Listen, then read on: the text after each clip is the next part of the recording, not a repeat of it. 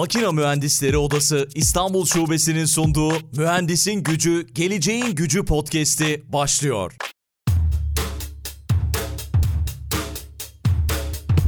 Mühendisin Gücü, Geleceğin Gücü podcast'inin yeni bölümünden herkese merhaba. Bu bölümde konuğum uzaklarda, çok çok uzaklarda. Bana çok uzak değil ama Türkiye'ye çok uzak. Polonya'da kendisi. Sinem Serap konuğum olacak. Beyin ve mühendisliği konuşacağız. Sinem Hanım merhabalar, selamlar, hoş geldiniz. Merhaba, hoş bulduk. Umarım iyisiniz. Evet iyiyim, teşekkürler. Normalde Polonya'dayım dediğiniz gibi ama şu anda Türkiye'de tatildeyim Antalya'da. Öyle olunca çok çok daha iyiyim, çok daha keyifliyim. Evet ben onu unuttum. Yani planlamayı yaparken aklımda Polonya diye kalmıştı. Yani Polonya'da yaşadığınız için. Şu anda Türkiye'desiniz. Bu arada planlamayı yaparken ben Türkiye'deydim. Ben Almanya'ya geldim. Böyle değişik bir durum oldu.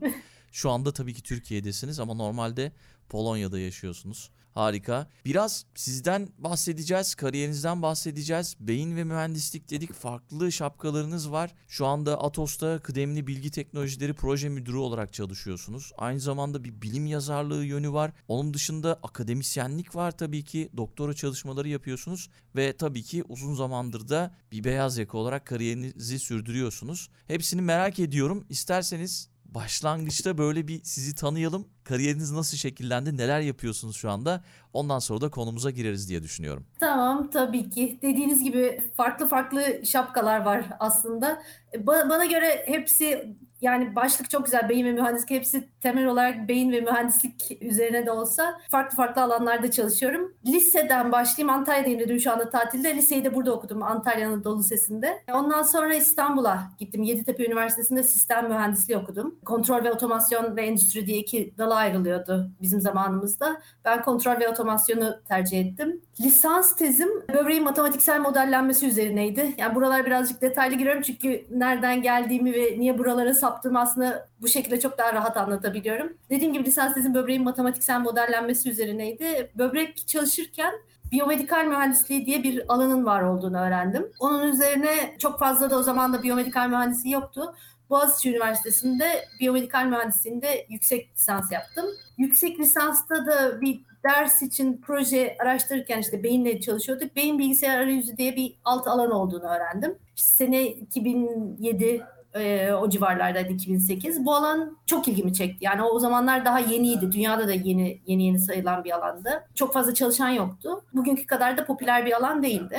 Ben de bu alana yönelmek istedim. Türkiye'de fakat bu alanda çalışan bir akademisyen bulamadım. Ben de bunun üzerine yüksek lisanstan sonra Japonya'ya gitmeye karar verdim. Japon hükümetinin her sene verdiği bir burs vardı, programı vardı. Amerika burslarına benziyor aslında bir şekilde. Başvurmak için işte TOEFL ve GRE dediğimiz testler vardı Amerika için. O testleri geçmeniz gerekiyor. İşte o testlere geçip başvurdum. Fakat önümde aslında 6 aylık bir süre vardı. Yani işte bursun belli olması ve Japonya'ya gitmem için ben de o sürede işte kendime bir artık iş tecrübesi katmak adına işe girmeye karar verdim. Ee, o zamana kadar ufak tefek iş tecrübelerim vardı ama kurumsal bir tecrübem yoktu. O yüzden hani dedim ki 6 ay boyunca birazcık daha kurumsal bir yerde çalışayım. Bir Kanadalı bir telekomünikasyon şirketi vardı Nortel. Türkiye'de de Nortel Netaş diye geçiyordu. Yeni mezun mühendisler arıyordu yetiştirmek üzere. Ben de işe başvurdum. Alanım telekomünikasyon olmamasına rağmen. Böylece sistem ve işte biyomedikal mühendisliğinden sonra kabul aldım şirketten. Kabul edildim. İşte sistem ve biyomedikal mühendislikten sonra da hayatıma telekomünikasyon mühendisliği de girdi. İşe başladım. Nortel'de. İşi de çok sevdim ama aklımda hep Japonya'ya gideceğim düşüncesi vardı yani. Sürekli işte Japonya'ya gideceğim. Orada şeyden doktoraya başlayacağım ve orada çalışacağım düşüncesi vardı. O beklediğim burs çıkmadı. Öyle olunca hani 6 ay diye başladığım iş hayatını bırakmadım. Ama aklımın bir yanında hep benim bilgisayar arayüzü vardı yani. Çünkü o alan birazcık böyle çok beğendiğim, çok sevdiğim bir alan oldu çok çeşitli araştırmalar yaptım, konferanslara katıldım. Hani kendi paramla kendim e, o alanda akademik olarak çalışmaya başlamasam da gittim, katıldım falan. E, o aklım bir köşesinde hep o duruyordu. İşte network mühendisi olarak başladığım hayatıma, iş hayatıma önce Türkiye'de, Netaş'tan sonra Türkiye'de Alcatel'de devam ettim. Daha sonra da Polonya'da, Nokia'da devam ettim. Polonya'da 6,5 senedir şu anda Polonya'dayım. En son işte Nokia üzerinden Polonya'ya geçtim. En son mühendislik tecrübemde işte Polonya'da solution architect dediğimiz çözüm mimarıydı. Bundan sonra da yaklaşık bir, bir sene önce de işte hem mühendislik hem de telekomünikasyon kariyerimi bırakıp bir IT şirketi olan Atos'ta proje yöneticisi olarak çalışmaya başladım.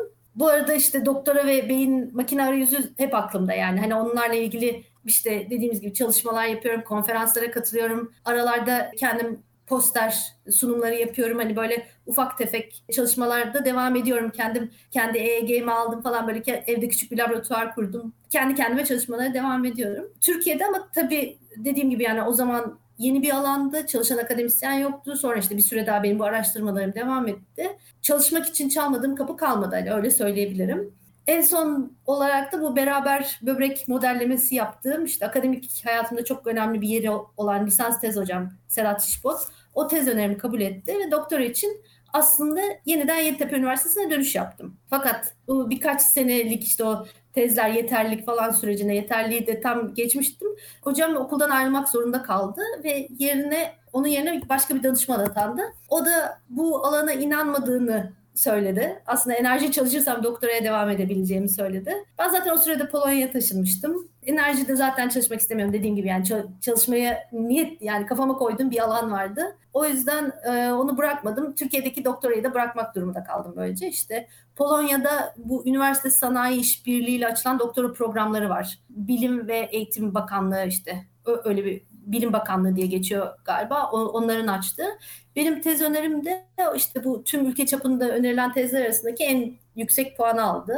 Bilim kadarıyla da tak, tek yabancı olan benim şeyde. Onlardan kabul aldım ve şu anda Kopernik Üniversitesi'nde aslında doktora yapıyorum. Bir yandan da evet, bilim yazarlığı yapmaya çalışıyorum. İşte popüler bilim dergisi var Bilim ve Ütopya diye. Orada beyin nöroteknoloji, beyin bilgisayar arayüzü nedir ne değildir onları anlatmaya çalışıyorum. Bu böyle bir karmaşık farklı alanlardan gelip bunların hepsini beyin ve mühendislikte ortak birleştirmeye çalışıyorum. İlginç bir kariyer gerçekten. Ben de LinkedIn'den baktığımda şaşırmıştım. Yani böyle anlayamadım ilk önce açıkçası. Çok da güzel şekillenmiş ama şuna takıldım. Yani Türkiye'de size inanmamışlar ama Polonya'da sizin projeniz birinci olmuş. O da enteresan geldi. Evet. Bu da herhalde son dönemin popüler konularından biri. Hani biz çok fazla bu konulara girmiyoruz ama yani bir bakıma da üzücü aslında. Üzüldüğümüz sizin adınıza sevindirici, bizim kendi ülkemiz adına üzücü bir durum. Ama enteresan. Peki şu anda Atos'ta neler yapıyorsunuz? Projelerle ee, ilgileniyorsunuz. Böyle bizim ilgimizi evet. çekebilecek bir şeyler var mı acaba? Var tabii yani bence Atos'taki işte e, önce Atos'u anlatayım. E, çok fazla hani IT'den olanlar belki biliyorlar ama Atos aslında Fransız merkezli bir IT dediğimiz işte bilişim teknolojileri ve siber güvenlik şirketi. 2000 yılında kurulmuş bu şirket. E, ana faaliyet alanları işte bulut bilişim, büyük veri ve siber güvenlik gibi işte yüksek teknoloji hizmetleri. 2000 yılında kurulmasına rağmen aslında 2001 yılından bu yana da olimpiyatların resmi IT sponsoru. Yani olimpiyatları takip ediyorsanız eğer öyle bir ilgisi olanlar da varsa belki oradan bilirler. Olimpiyatların işte bu dijital güvenliği falan Atos'tan sayesinde. Yani Atos onun sponsorluğunda. Benim yönettiğim projeler ben işte orada proje yöneticisiyim. Benim yönettiğim projeler işte daha çok bulut bilişim tarafında. Nasıl projeler? Yani özellikle pandemiden sonra işte artan evden çalışmalarla artık iş yeri dediğimiz kavram biraz daha dijital hale geldi. Yani o kafamızdaki artık eski iş yerleri, ofisler birazcık daha yavaş yavaş silinmeye başladı. Yani belki eski jenerasyonda daha az ama gelecek jenerasyonda bunlar daha artık ya karmaşık hibrit modele dönüyor ya da tamamen siliniyor. Sürekli evden çalışmaya geçmeyen şirketler bile artık haftanın bir iki gün ofisten çalışıp kalanında evden çalışma modeline geçtiler. Böyle bir durumda da işte işbirliği ve üretkenliğin işte bunun birçok unsuru dijital uygulamalar, işte bulut bilişim ve diğer teknolojilerin bir beraber kombinasyonu şeklinde gerçekleştiriyor. İşte dijital iş yeri dediğimiz şey de e, geleneksel yüz yüze ofis ortamının sanallaştırılmış bir biçimi. İnternet artık zaten özellikle hani internetten kaynaklanan çok sayıda teknolojiyle de birlikte çalıştığımız yeri neyin tanımladığına dair ortak fikri değiştirmeye başladı. Yani ne, ne, nedir bizim çalıştığımız yer? Ben işte dedim size yani Polonya'da çalışıyorum. Şu anda Antalya'da tatildeyim bu hafta ama mesela önümüzdeki hafta çalışacağım. Evden çalışacağım. Yani bir hafta daha burada olacağım. Çalıştığım yer neresi? Yani çalıştığım yer şu anda benim olduğum oda. Ya da başka bir yerde çalışıyorsam bazen kafede çalışıyorsam orası kafe. Yani artık herhangi bir fiziksel alana ihtiyacımız yok. İletişim dediğimiz şey işte binlerce kilometrelik alan boyunca gerçekleştirilebilir. Bilgiler neredeyse gerçek zamanlı olarak saklanabiliyor, erişilebiliyor, paylaşılabiliyor. İşte veri dediğimiz başka bir alt alan var bu günümüzde var olan bu sürekli açık olan yani online dediğimiz bağlantılı dünyası işte çok miktarda aslında veriyi de serbest bıraktı. Yani çok miktarda veri dolaşımda, sürekli dolaşımda. Yani hiç günün 24 saati sürekli bir veri bir yerlerden akıyor. Biz onu fark etmesek bile işte cep telefonlarından yapay zekaya, makine öğrenmesine kadar internet büyük miktarda aslında bilgiyi oluşturmamıza olanak sağlıyor. Bunu toplamamıza da yani hem bilgiyi oluşturuyoruz hem de bilgiyi topluyoruz. Fakat işte bunun getirdiği bazı sorunlar da oluyor. Yani çok fazla bilgi var elimizde. Fakat işte bu verileri analiz etmemiz lazım ve bu verilerden anlaşılır bir şey haline getirmek lazım. Bunu yaparken de güvenilir olması lazım. Güvenilir yollara ihtiyaç duyuluyor. İşte bu dijital çalışma alanı veya bu dijital iş yeri dediğimiz dediğimiz şeylerde daha genç ve gelecek vadeden bir iş gücünün değişen ihtiyaçlarını karşılamak için ortaya çıktı. Dediğim gibi 5 ana bileşeni var bunlardan. İşte iletişim var, güvenlik var, depolama var, veri depolaması, analizi var ve yönetimi var. Ben işte bunu neden anlattım? İşte genel olarak dijital iş alanı nedir? Ben benim çünkü çalıştığım alan orası, projelerini yönettiğim alan. Ben bu, bu işin birazcık daha bütçesi, planlaması, testi e, ve teslimi kısmından sorumluyum. Peki bunun dışında tabii Bağımsız olarak doktora da yapıyorsunuz. O da sizin anladığım kadarıyla bir tutkunuz. Bu tutkunuz için de gelmişsiniz. Beyin bilgisayar arayüzü çalışıyorsunuz. Bu konuda zorluklar ve fırsatlar nelerdir? Bunları merak ediyorum açıkçası ki bu konuya ilgi duyan akademisyen olmak isteyen kişiler de en çok bunları merak ediyordur. Zorluğun bir tanesini girişte bahsettiniz. Fırsatlar, zorluklar neler? Bunları bahsedebilir misiniz? Tabii bahsedeyim. Yani zorluklar aslında şu anda birazcık yani yeni başlayanlar için birazcık daha rahat oldu. Onun sebebi de şu. Beyin bilgisayar arayüzleri çok böyle ütopik bir şey olarak düşünülüyordu. Yani beyin bilgisayar arayüzü dediğimiz şey nedir? İşte bizim beynimize taktığımız bir EEG denen beyin sinyallerini okuduğumuz bir cihaz var. Ve o cihazla sadece düşünerek bilgisayarda işte mouse oynatmak, bir robot kolu oynatmak, felçli insanlar için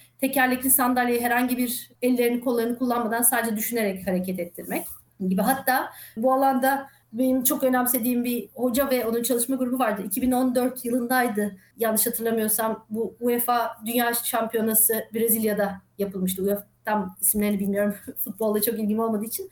Onun açılış FIFA. vuruşu evet onun açılış vuruşu benim bilgisayar arayüzüyle yapıldı. Televizyonlarda çok gösterilmedi. Benim en merakla beklediğim bir futbol olaylarından biridir. Tamamen boyundan aşağısı felçli bir çocuk. Dış iskelet dediğimiz bir iskeleti gibi bir robot hani robo, Robocop gibi bir kıyafet giyip ayağa kalkıp sahanın kenarından sadece düşünerek yani herhangi bir uzvu çalışmıyor. Sadece adım atmayı düşünüp topa vurmayı düşünerek topa topu bir, birkaç metre tabii yeni olduğu için bu teknolojiler çok güçlü de değiller. Topu birkaç metre sahanın ortasına atmayı başardı. O zamandan sonra işte ondan önce çok çok daha az ilgi vardı. O birazcık daha ilginin artmasına sebep oldu. Birkaç sene önce Facebook bu işe gireceğini açıkladı. Ondan sonra işte Elon Musk Neuralink diye bir şirket kurdu. O beyin bilgisayar arayüzü çalışmalarına gireceğini açıklamasıyla bu iş artık patladı. Bu işe en inanmayanlar bile en büyük savunucusu haline gelir oldular. E, ve bunun işte başka getir sıkıntıları oldu. Şu anda artık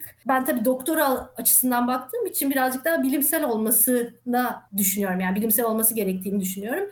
Birazcık bilimden uzaklaşmaya başladı beyin bilgisayarı. İşte daha teknoloji, daha uygulamalar neler yapabiliriz? İşte oyun endüstrisi çok bunu e, kullanmaya başladı. Oyun endüstrisinde nasıl kullanılabilir gibi. Zorluklar dediğim gibi yani eğer akademik olarak düşünülüyorsa bilim kısmına birazcık daha yoğunlaşılması gerektiğini düşünüyorum. Çünkü bilimden bu alan çok uzaklaştı. Tamamen uygulamaya döndü. Bir mühendis olarak bu bence bir fırsat uygulama olması. Ama dediğim gibi iki farklı şapka var. Yani bir mühendislik şapka ve akademisyen şapkası düşündüğüm zaman bilimden uzaklaşması e, birazcık zorluk olarak değerlendiriyorum ben. Ama e, uygulama yani daha çok uygulamaya dönmesi bu da büyük bir fırsat. Pek çok kapı kapı açıyor. Peki yani bildiğim kadarıyla işte beyin makine arayüzüne ilgi duyan çok fazla oluyor. Özellikle işte Elon Musk'ın son yıllarda yaptığı açıklamalar bu işi biraz daha popüler hale getirmiş durumda. Uzun yıllardır çalışmalar yapılıyor ama böyle belli dönemlerde belli şeyler köpürtülüyor. İşte Elon Musk da çıktı bir açıklama yaptı. İşte Neuralink'i söyledi. Bu hemen böyle bir ilgi odağı haline geldi. Bu konuyla ilgisi olanlar size en çok neleri soruyorlar? Açıkçası bunu merak ediyorum. Podcast'i dinleyen dinleyicilerimiz arasında da mutlaka vardır böyle bu konu hakkında merak edenler. Belki böyle en çok sorulan sorulardan bir şey yapabiliriz. E, bir bilgi bilgisel yapabiliriz. Tamam olur. Evet işte dediğiniz gibi yani Elon Musk'ın ortaya çıkmasıyla e, alan patladı. Ve bir birçok kişi ilgi duymaya başladı. İşte tam ne yaptığı da aslında tam anlaşılamadı. Yani çünkü Elon Musk da bir şekilde değiştirmek zorunda kaldı. Yani bu alanla ilgili olanlar başladığında beyin bilgisayar arayüzü yani insan beynine direkt çip yerleştireceğiz diye başlarken sonra işte Parkinson hastalığı sonra belli başlı hastalıkların tedavisine doğru döndü. Çünkü bu alanda karşılaşılan zorluklar yani bana en çok gelen soru işte hangi bir temel bilimden ya da hangi alandan gelmek gerekiyor? Çünkü şimdi bilgisayar diyoruz eğer yazılımcı mı olmak gerekiyor ya da biyomedikal mühendisinden mi gelmek gerekiyor gibi sorular var. Bu öyle bir interdisipliner alan ki hangi alandan gelirseniz gelin içinde yapacağınız, tutabileceğiniz bir kısım oluyor. Ben dediğim gibi işte yaz okulunda bu sene Neuromatch Akademi diye bir yaz okulu vardı global çapta. Orada ders veriyordum. E, asistanlık yapıyordum. E, oradaki öğrencilerim benim şöyle söyleyeyim hukuk geçmişi olan öğrencim de var. İşletme lisansı olan öğrencim de var. Vardı. Mimarlık olan öğrencim de vardı. Mimarlık lisansı olan ve çok ilginç de onun çalışması. Yani insan beyninin mekanı nasıl algıladığını çalışıyordu. Yani biz bir mekana giriyoruz ve o mekanı geniş olarak, büyük olarak görüyoruz veya bize dar geliyor. Bize dar gelen bir başkasına farklı geliyor. Ve bu mimari açıdan bunu ölçümleyebilir miyiz beynin mekanı nasıl algıladığını? Beyin makine arayüzü de böyle bir şey. Yani sinir bilim temelinden olduğu için ne okunursa okunsun e, tutulabilecek ve üstüne eklenebilecek bir alanlar var. Ama daha önce de işte söylediğim gibi akademik yönünün biraz zayıf kalmasıyla bence temel bilimlerden gelmek buraya çok da büyük fayda sağlar eğer akademik olarak geliniyorsa. Yani bir fizik, bir matematik e, geçmişiyle gelmek bunun akademik yönünün gelişmesini sağlar. Mühendislik bakımından dediğim gibi yani her yani ne olursan ol gel diyen bir alan. O yüzden bana en çok sorulan sorular işte yani ben e, şu mühendisim işte atıyorum endüstri mühendisiyim geli başlayabilir miyim ya da başka bir bilgisayar mühendisiyim ne yapmam gerekiyor şu alanlarımı seçmem gerekiyor gibi sorular oluyordu. Onlar onlardan sıkılmadan yani dediğim gibi kim ne istiyorsa gelip yapabilir. Onun dışında çok çok sorulan sorulardan biri bu tamam geldik evet farklı alanlardan geldik. Peki bitti sonrası. Yani sonrasında ne yapabiliriz? Akademik olarak e, önü çok açık bir alan yani. Daha önceden dediğim gibi bu kadar değildi ama şimdi başka dünya çapında özellikle beyin makine arayüzü dediğimiz için şeyin içine mutlaka yapay zeka ve makine öğrenmesi de giriyor. Yani bu ikisini bildikten sonra zaten pek çok laboratuvarda daha sonra da şu alan, şu dönemde benim o yaz okulundan öğrencilerimin sorduğu soru yani bunu bırakıp akademiyi bırakıp özel sektöre Facebook, Google, e, Amazon bu alanlardan çalışan pek çok mühendis de aslında buralarda çalışıyor. Şu anda herkesin çok istediği yerler var. Facebook, Google, Amazon gibi. Hani böyle kafalarında birkaç tane böyle temel çalışılabilecek yani orası olursa olur olmazsa hiç çalışmayız dedikleri yerler var ama bence öyle de düşünülmemeli. Yani dünyada kendini geliştirebilecek pek çok şirket, pek çok alan var. Bu buralara da geçiş olabiliyor çünkü bu alanda yani yazılım geçmişiniz olmasa bile mutlaka bir Python öğreniyorsunuz. Yani o işin o kısmına benim çalıştığım gruplarda gördüğüm az veya çok az kod yazanlar da var script dediğimiz daha ufak kodlar yazanlar da var ve daha büyük kodlar yazanlar da var ama mutlaka bir yazılıma giriyorsunuz. E, yazılım geçmişiniz olunca birazcık daha yapay zeka ve makine öğrenmesiyle ilgilenince önünüze açılmayacak öyle söyleyeyim yani öğrenciler için önlerine açılmayacak ya da mühendisler için önlerine açılmayacak kapılar olmuyor. Bir diğer işte zorluk değil artık yani şu anda fırsat yani şu anda bunun en üst noktasındayız yapay zeka kışı diye bir şey vardı. Biliyoruz yapay zeka işte insanların çok böyle hevesle evet yapay zeka gelecek işte robotlar şöyle olacak uçan arabalar gelecek falan diye heveslenip yapay zeka yüklenip onun yükselişe geçtiği yani herkesin ondan çok büyük beklentilerinin olduğu ama o beklentilerin karşılaş, karşılandığını görmeyince düşüşe geçtiği bir dönemde o. Bu konunun eskiden beri gelen araştırmacıları da bunu söylüyor aslında yani. O da görülen bir şey. Yani şu anda da evet beyin bilgisayar arayüzü kışına doğru gideceğiz. Çünkü herkesin beklentisi çok fazla. Herkes diyor ki evet robotlara beynimize kontrol edeceğiz işte insan beynine çip yerleştireceğiz. Beyinden beyine etkileşim olacak. Ortada inanılmaz projeler uçuşuyor. Ama bu alanın şöyle bir zorluğu nereden neyi alıyor? Evet bazı belli sinyalleri alabiliyoruz. Okey. Ama mesela bu alanın atıyorum işte o size bahsettiğim futbol şampiyonasında olduğu gibi yani sah- bir laboratuvar dışına çıkıp dış dünyada kullanılması için bir 6 aylık ve bir belki de çok daha uzun çalışmalar yapılması gerekti bir kişi üzerinde. Yani daha teknolojisi o kadar gelişmedi. Teknolojisinin o, o kadar gelişmesi için aslında birazcık daha en başa dönüp temel biliminin daha çok gelişmesi lazım. Yani daha yoğun, daha iyi bir matematik, daha iyi bir fizik, işte sinyal işleme gibi dediğimiz daha farklı alanlarda gelişim olması lazım. O yüzden şu anda ilgi duyanlar bence şunu bilerek ilgi duysunlar. Belki de böyle bir böyle bir heyecanlı devam edecek bir 5 senesi veya belki de bir 10 senesi var. Ama ondan sonra o yapay zekanın kışı gibi olacak. Yani önü daha açık. Ama şu anda bu beklenen bu kadar heyecanlı evet çip yerleştireceğiz, her şeyi tedavi edeceğiz, insan beyninde işte hiçbir hastalık kalmayacak, robot uzuvlarımız olacak falan gibi noktada değiliz. O noktaya da ulaşabileceğimiz bilimsel altyapımız yok. O yüzden hani bunun, bu alana girenler çok büyük beklentilerle girmesinler. Eğer çok seviyorlarsa girsinler. Hani ben bunları söylerken ben bu alanın içindeyim. Çok da seviyorum, çok da geleceğini parlak görüyorum ama dediğim gibi bu gelecek uzun vadeli bir gelecek. Yani bu geleceğin gelmesi için başka temel bilimlerin de gelişmesi ve hep beraber böyle bir atılım yapmamız gerekecek. Bu büyük bir zorluk olacak. Eğer medyada görüp çok heveslenip girenler varsa bence karşılaşacakları en büyük zorluk bu olacak ileride.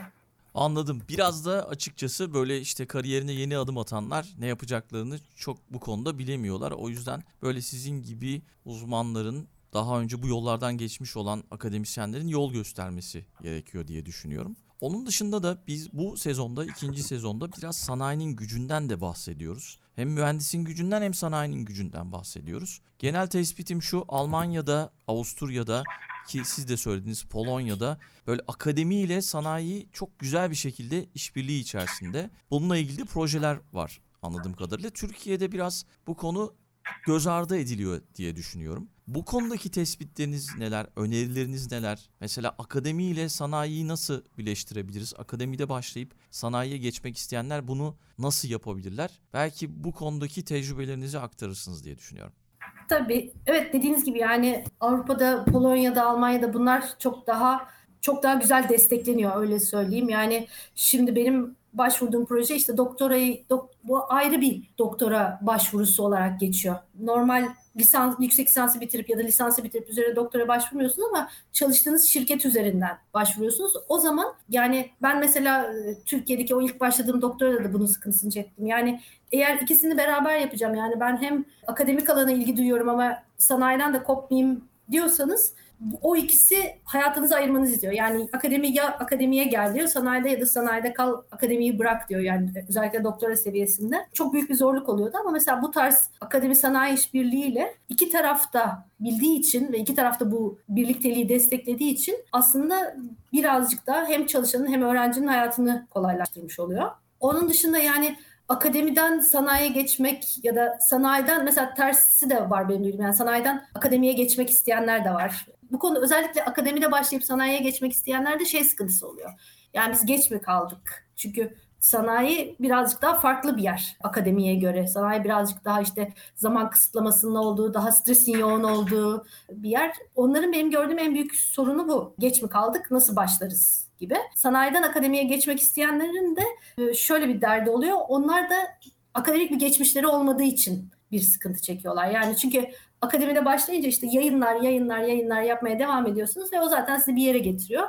Ona bir sürü ara verince bu sefer akademiye alımlarda sıkıntı oluyor. Yani normalde doktoraya başvurduğunuz zaman da sizin işte önceki yaptığınız yayınları istiyorlar. Bu tarz sanayi akademi işbirliklerinde işte bu bu rahatlık oluyor. Yani çünkü biliyorlar akademiye başvurduğunuzda da sizin sanayiden geldiğinizi ve e, bir akademisyen kadar yayın yapmadığınızı ve yapamayacağınızı. O yüzden böyle ben onun normal doktora başvurularında da artık kaldırılması gerektiğini düşünüyorum. Yani belli başlı eskiden kalma e, sistemlerin değişmesi gerektiğini düşünüyorum. Öyle olunca birazcık daha yani Türkiye'de böyle bir sistem olsa aslında Türkiye çok da rahat yapılabilecek bir yer. Yani hem genç olarak iş gücü çok fazla, çalışma alanı ve uygulama alanı çok rahat. Yani dediğim gibi ben mesela IT şirketinde çalışıyorum. Direkt bir uygulama alanı olmamasına rağmen yani Polonya'da bakanlığın en çok desteklediği projelerden biri. Çünkü çok evet bir beyin bilgisayar arayüzünü şirkette kullanamayız belki ama onun şirkete bir geri dönüşü yani şirketin aslında benden beklentisi sonunda bir patent çıkartmak. Yani bir patent yayından çok patent, bir patent, iki patent gibi bir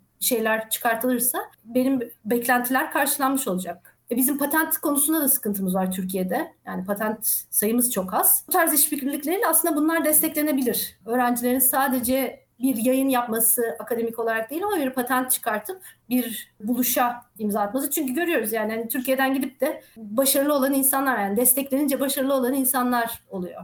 Bunun dışında akademiden başlayıp sanayiye geçmek yani sanayide ikisi, ikisinin de kendine az güzellikleri ve zorlukları var. Şimdi e, dediğim gibi yani böyle herkes aslında pembe gözlüklerle geçmeyi düşünüyor. Yani sanayiden akademiye geçerken işte sanayide belki çok yorulmuş oluyor. Ya da akademide sanayide çok daha fazla para kazanacağını düşünerek geçmek isteyen oluyor. Ya da dediğim gibi yani sadece 3-5 şirket var. O şirketlere geçmek isteyenler oluyor. Benim öğrencilere tavsiyem, benim kendi işte mentorluk yaptığım bir iki öğrenci de var. Onlara tavsiyem yani kendilerini hiçbir şekilde limitlememeleri. Yani ben hiçbir şekilde kendimi limitlemedim. Bana gelen yani tabii ki hiçbir zaman kapılar kimsenin önünde pıtır pıtır açılmayacak teker teker. Her zaman kapılar kapanacak. Önemli olan o kapılar kapandığında onları birazcık zorlayarak açmak. Yani her iki taraf her iki geçiş içinde bu aynı şekilde olacak. Yani ister akademide olsunlar, sanayiye geçmek istesinler, ister sanayide olsunlar, akademiye geçmek istesinler. Hiçbir zaman onlar için onları bekleyip de ya buyurun biz de sizi bekliyorduk diyen biri olmayacak ya da belki de bir milyonda bir çıkabilir yaptıkları şeye göre ama yılmasınlar. Benim gördüğüm bir kısımda bu e, özellikle gençlerde korkuyorlar. Yani o e, benim özellikle yeni mezun varsa yani bize dinleyenler onlara söylediğim şey yani yeni mezunun kaybedeceği hiçbir şey yok. Hiçbir şeyiniz yok. Hayata yeni başlıyorsunuz ve adımlarınızı hiç korkmadan e, hiç korkmadan adım atılabilecek en güzel dönemdir mezuniyet ve yeni bir yeni mühendislik dönemi. E ondan sonra da yani hayatınızda bir şeyler oldu diyelim. Evet bir değişimlere gitmek istiyorsunuz. Bir, bir hayatınızı kurdunuz ve başka bir dönüşüme geçmek istiyorsunuz. O zaman da korkmanın, yani korkunun ecele faydası yok. Çok güzel bir e, laftır bence. Adım atmadan insan gerçekten neyi başarıp neyi başaramayacağını anlamıyor. Evet o adımlardan düşmeni de göze almak gerekiyor. Düştükten sonra kalkmayı da bilmek gerekiyor.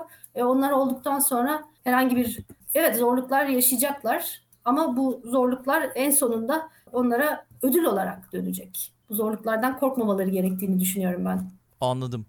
Peki biraz da nöroteknolojiden bahsetsek. Nöroteknolojinin geleceği hakkında ne düşünüyorsunuz? Bu konudaki çalışmalar nasıl bir ilerleme kaydediliyor? Belki biraz da bundan bahsederiz.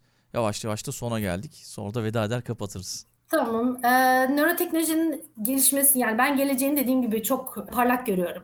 Ama şu anda yani şu andakinden e, en böyle aktif ya da en böyle işte hype dediğimiz yani onun en yüksek olduğu, o heyecanın en yüksek olduğu dönemdeyiz aslında. Sonra bir bir kış geçireceğini düşünüyorum ben nöroteknolojinin de ve ondan sonra tekrardan yükselişe geçeceğini düşünüyorum. Yani bu şu anda bu beyin çipleri dediğimiz şey işte evet belli başlı hastalıklar için beyne çip yerleştiriyoruz ama bunun dışında yani beynimize bir çip yerleştirip işte bilgisayarı kontrol edebilir miyiz ya da aramayı yapabilir miyiz falan gibi hani böyle çok bazen uçuk sorular da geliyor bana. E, bunlar için yapabileceğimiz daha teknolojik olarak orada değiliz. Yani bunların geleceği için evet taktığımız beyin çipinin beyinde adapte olması için gereken daha teknolojide değiliz. Ama bunun bu ileriki dönemlerde yani şu anda olmasa bile ileride bir elektronik çipler sayesinde aslında sadece beynimize değil yani vücudumuza takabileceğimiz çipler sayesinde de işte nabzımızı, sıcak, sıcaklık, terleme, kas gerginliği, işte deri direncini ölçebilen sensörler sayesinde işte gerçek zamanlı analizlerde bulunabileceğiz. Bu da aslında bazı hastalıkları önceden öngörmemizi, anlamamızı bu yapay zekanın gelişimiyle de olacak. Bu taramaları aslında doktora gitmek için aslında tarama yapmamıza gerek kalmayacak. Uzaktan işte sağlık araçları ya da uzaktan sağlık sistemi yaygınlaşacak. Zaten dediğim gibi yani bu aslında benim şu anda şirkette çalıştığım şeyde yani dijital iş yeri artık insanlar mekandan kopuyorlar, mekandan bağımsız hale geliyorlar. Mekandan bağımsız hale gelmek için en önemli koşullarından biri teknolojinin yaygınlaşması. Ama sağlık bunun en önemli ayaklarından biri. Yani gidip bir adada tek başınıza yaşayamazsınız. Çünkü bunun psikolojik yönünün dışında herhangi bir hastalıkta bir ulaşmanız gereken bir doktor olması lazım. İşte nöroteknolojinin gelişimiyle ya da işte daha teknolojinin gelişimiyle diyeyim yani bu çiplerin artmasıyla sağlık sisteminin uzaktan erişilebilir olmasıyla insanlar çok daha rahat aslında hareket edebilir hale gelecekler. İşte bu mesela bu Elon Musk'ın yaptığı gibi işte bu sinirsel arayüzleri yani nöro arayüzler sayesinde işte psikiyatrik hastalıklar, demans, Parkinson gibi hastalıklara da çözüm bulunabilecek. İşte şu anda gördüğümüz işte dikkat eksikliği, hiperaktivite bozukluğu gibi yani bunlar işte bazı bazıları bunları hastalık kategorisinde alıyor, bazıları almıyor. Ee, ama pek çok şu anda toplumu rahatsız eden hastalık demeyeyim ama farklı koşullar yani işte dikkat eksikliği, hiperaktivite bozukluğu, işte disleksi gibi. Yani bu beyin fonksiyonlarının farklı çalışması. Yani bunlara direkt hastalık denmiyor ama beyin fonksiyonlarının farklı çalışması. Nöroimplantlar bunlara bir tedavi veya bir çözüm olabilir yani. İnsan beyni elektrik üretiyor ve biz bu ürettiği elektrik işte mesela siz bu, biz burada konuşurken ben size dikkatimi veriyorum ve bu bir elektrik üretmesine sebep oluyor. Bu beynin kendi ürettiği elektriği biz ona dışarıdan ürettirebilir miyiz? Bunu da farklı ses dalgalarıyla yani bir kulaklık takıp sağ kulaktan ve sol kulaktan farklı ses dalgaları verip sizin normalde bir insanın dikkat bir yoğunlaşma sırasında ürettiği yani beyin dalgasını biz onu ürettirebilir miyiz? Şeklinde bir projeler var. E, bu, bunlar nöroteknolojinin geleceği. Ama dediğim gibi yani tekrar başa dönecek olursam bunlar çok güzel. Evet bunlar gelişecek. O yüzden bir 5-10 sene koyarım. Bunlar çünkü daha teknolojik gelişmeler.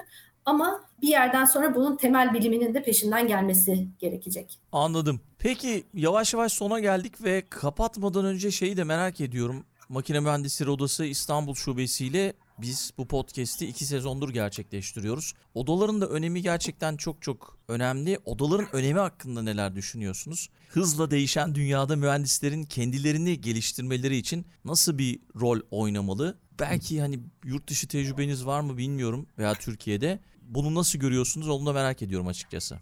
Ya ben odaların rolünü çok önemli görüyorum. Yani çünkü ben her zaman birlik olmanın, kuvvetli olmanın çok daha büyük başarılar getireceğine inanıyorum ve odalar bu açıdan çok önemli yerler. Yani meslek odalarının olması lazım ve ben hani itiraf edecek olursam odaya üye değilim ama yeni mezun herkesin ya da yeni mezun daha önceden de mezun olmuş olsa herkesin bir oda üyeliğinin olması gerektiğini düşünüyorum. Çünkü özellikle insan tek başına yurt dışına çıkınca yani benim yurt dışına işte ben yurt dışına davetle gittim. O yüzden biraz tecrübem farklı ama yurt dışında tek başına kalınca insan bir odaya ait olmanın yani bir arkasındaki bir güç haline geliyor o da. Orada tek başınıza kalınca bunu çok daha iyi anlıyorsunuz. Yani ben Türkiye'de de mühendislik yaptım. Dediğim gibi odaya üye değildim ama herhangi bir koşulda makine mühendisleri odasına gidip orada birilerinden yardım alabileceğimi, birilerinden destek alabileceğimi, birilerine soru sorup onlardan cevap alabileceğimi biliyordum. Polonya'ya ilk gittiğimde bu yok. Yani evet yine uzaktan destek alabilirim ama odanın gücüyle orada yalnız olarak o hayatta tek başınıza var olmanın gücü çok farklı oluyor. O yüzden odaların varlığına sonuna kadar inanıyorum ve herkesin bir şekilde odalara destek vermesi gerektiğini düşünüyorum. Dediğim gibi ben şu anda iyi olmasam bile. Gelişen dünyada da mühendisler yani odalar belki birazcık daha fazla eğitimler açabilirler. Yani şu anda çok eğitime ihtiyacımız var ve ben mesela benim çalıştığımız şirkette biz neredeyse ayda bir farklı farklı alanlardan eğitime giriyoruz. Dediğim gibi ben bambaşka bir alanda da çalışıyor olsam ben şu anda birazcık daha işte proje yöneticisiyim ve daha bulut bilişim kısmındayım. Ama siber güvenlik eğitimlerine de katılıyorum. Çünkü gelecek o kadar hızlı geliyor ve farklı farklı alanlarda yani ne kadar çok bilginiz olursa bu hayatta o kadar güçlü oluyorsunuz. E bu odalar eğer bu eğitimlerde mühendislere destek verirse yani online eğitimlerde şimdi işte eskiden bu eğitimler için yüz yüze gitmek gerekiyordu ama şimdi artık çok daha fazla seçenek var, online seçenekler. Gördüğüm kadarıyla yeni mezunların çok soruları var. Yani bu tarz podcastler mesela çok güzel. Bunları desteklemeli yani böyle yayınları, podcastleri yani ulaşılabilecek her şekilde mühendislere özellikle yeni mühendislere ulaşmaları gerektiğini düşünüyorum odaların. Kesinlikle. Bir ekleme yapayım. Makine Mühendisleri Odası İstanbul Şubesi'nin online eğitimleri var. Özellikle pandemi döneminde de çok fazla bunun etkisini gördük. Öğrenmemerkezi.com adresinden makine öğrenme merkezine ulaşabilir üyeler ve üye olmayan kişiler. Burada 358 tane eğitim var makine mühendisliği alanı ile olabilir, farklı alanlarda olabilir. Gerçekten kendini geliştirmek isteyen mühendislerin, mühendis adaylarının bir bakmasını tavsiye ediyorum. Çok çok teşekkür ederim konuk olduğunuz için. Güzel bir bölüm oldu. Umarım herkes için yararlı olmuştur. Podcast'in açıklama kısmında LinkedIn sayfanızı, linkini paylaşacağım. Oradan belki size de ulaşmak isteyenler olabilir. Çok çok sağ olun. Ben teşekkür ederim. Benim için de çok güzel bir yayındı. Ulaşmak isteyenlere e, her zaman e, ulaşırlarsa kim kim ulaşırsa ulaşsın cevap veriyorum. Yani elimden geldiğince özellikle yeni mezunlar, yeni öğrenciler soru sormaktan çekinmesinler. ulaşıp soru sormaktan çekinmesinler. O zaman son sözü size bırakıyorum. Mühendisin gücü, geleceğin gücü.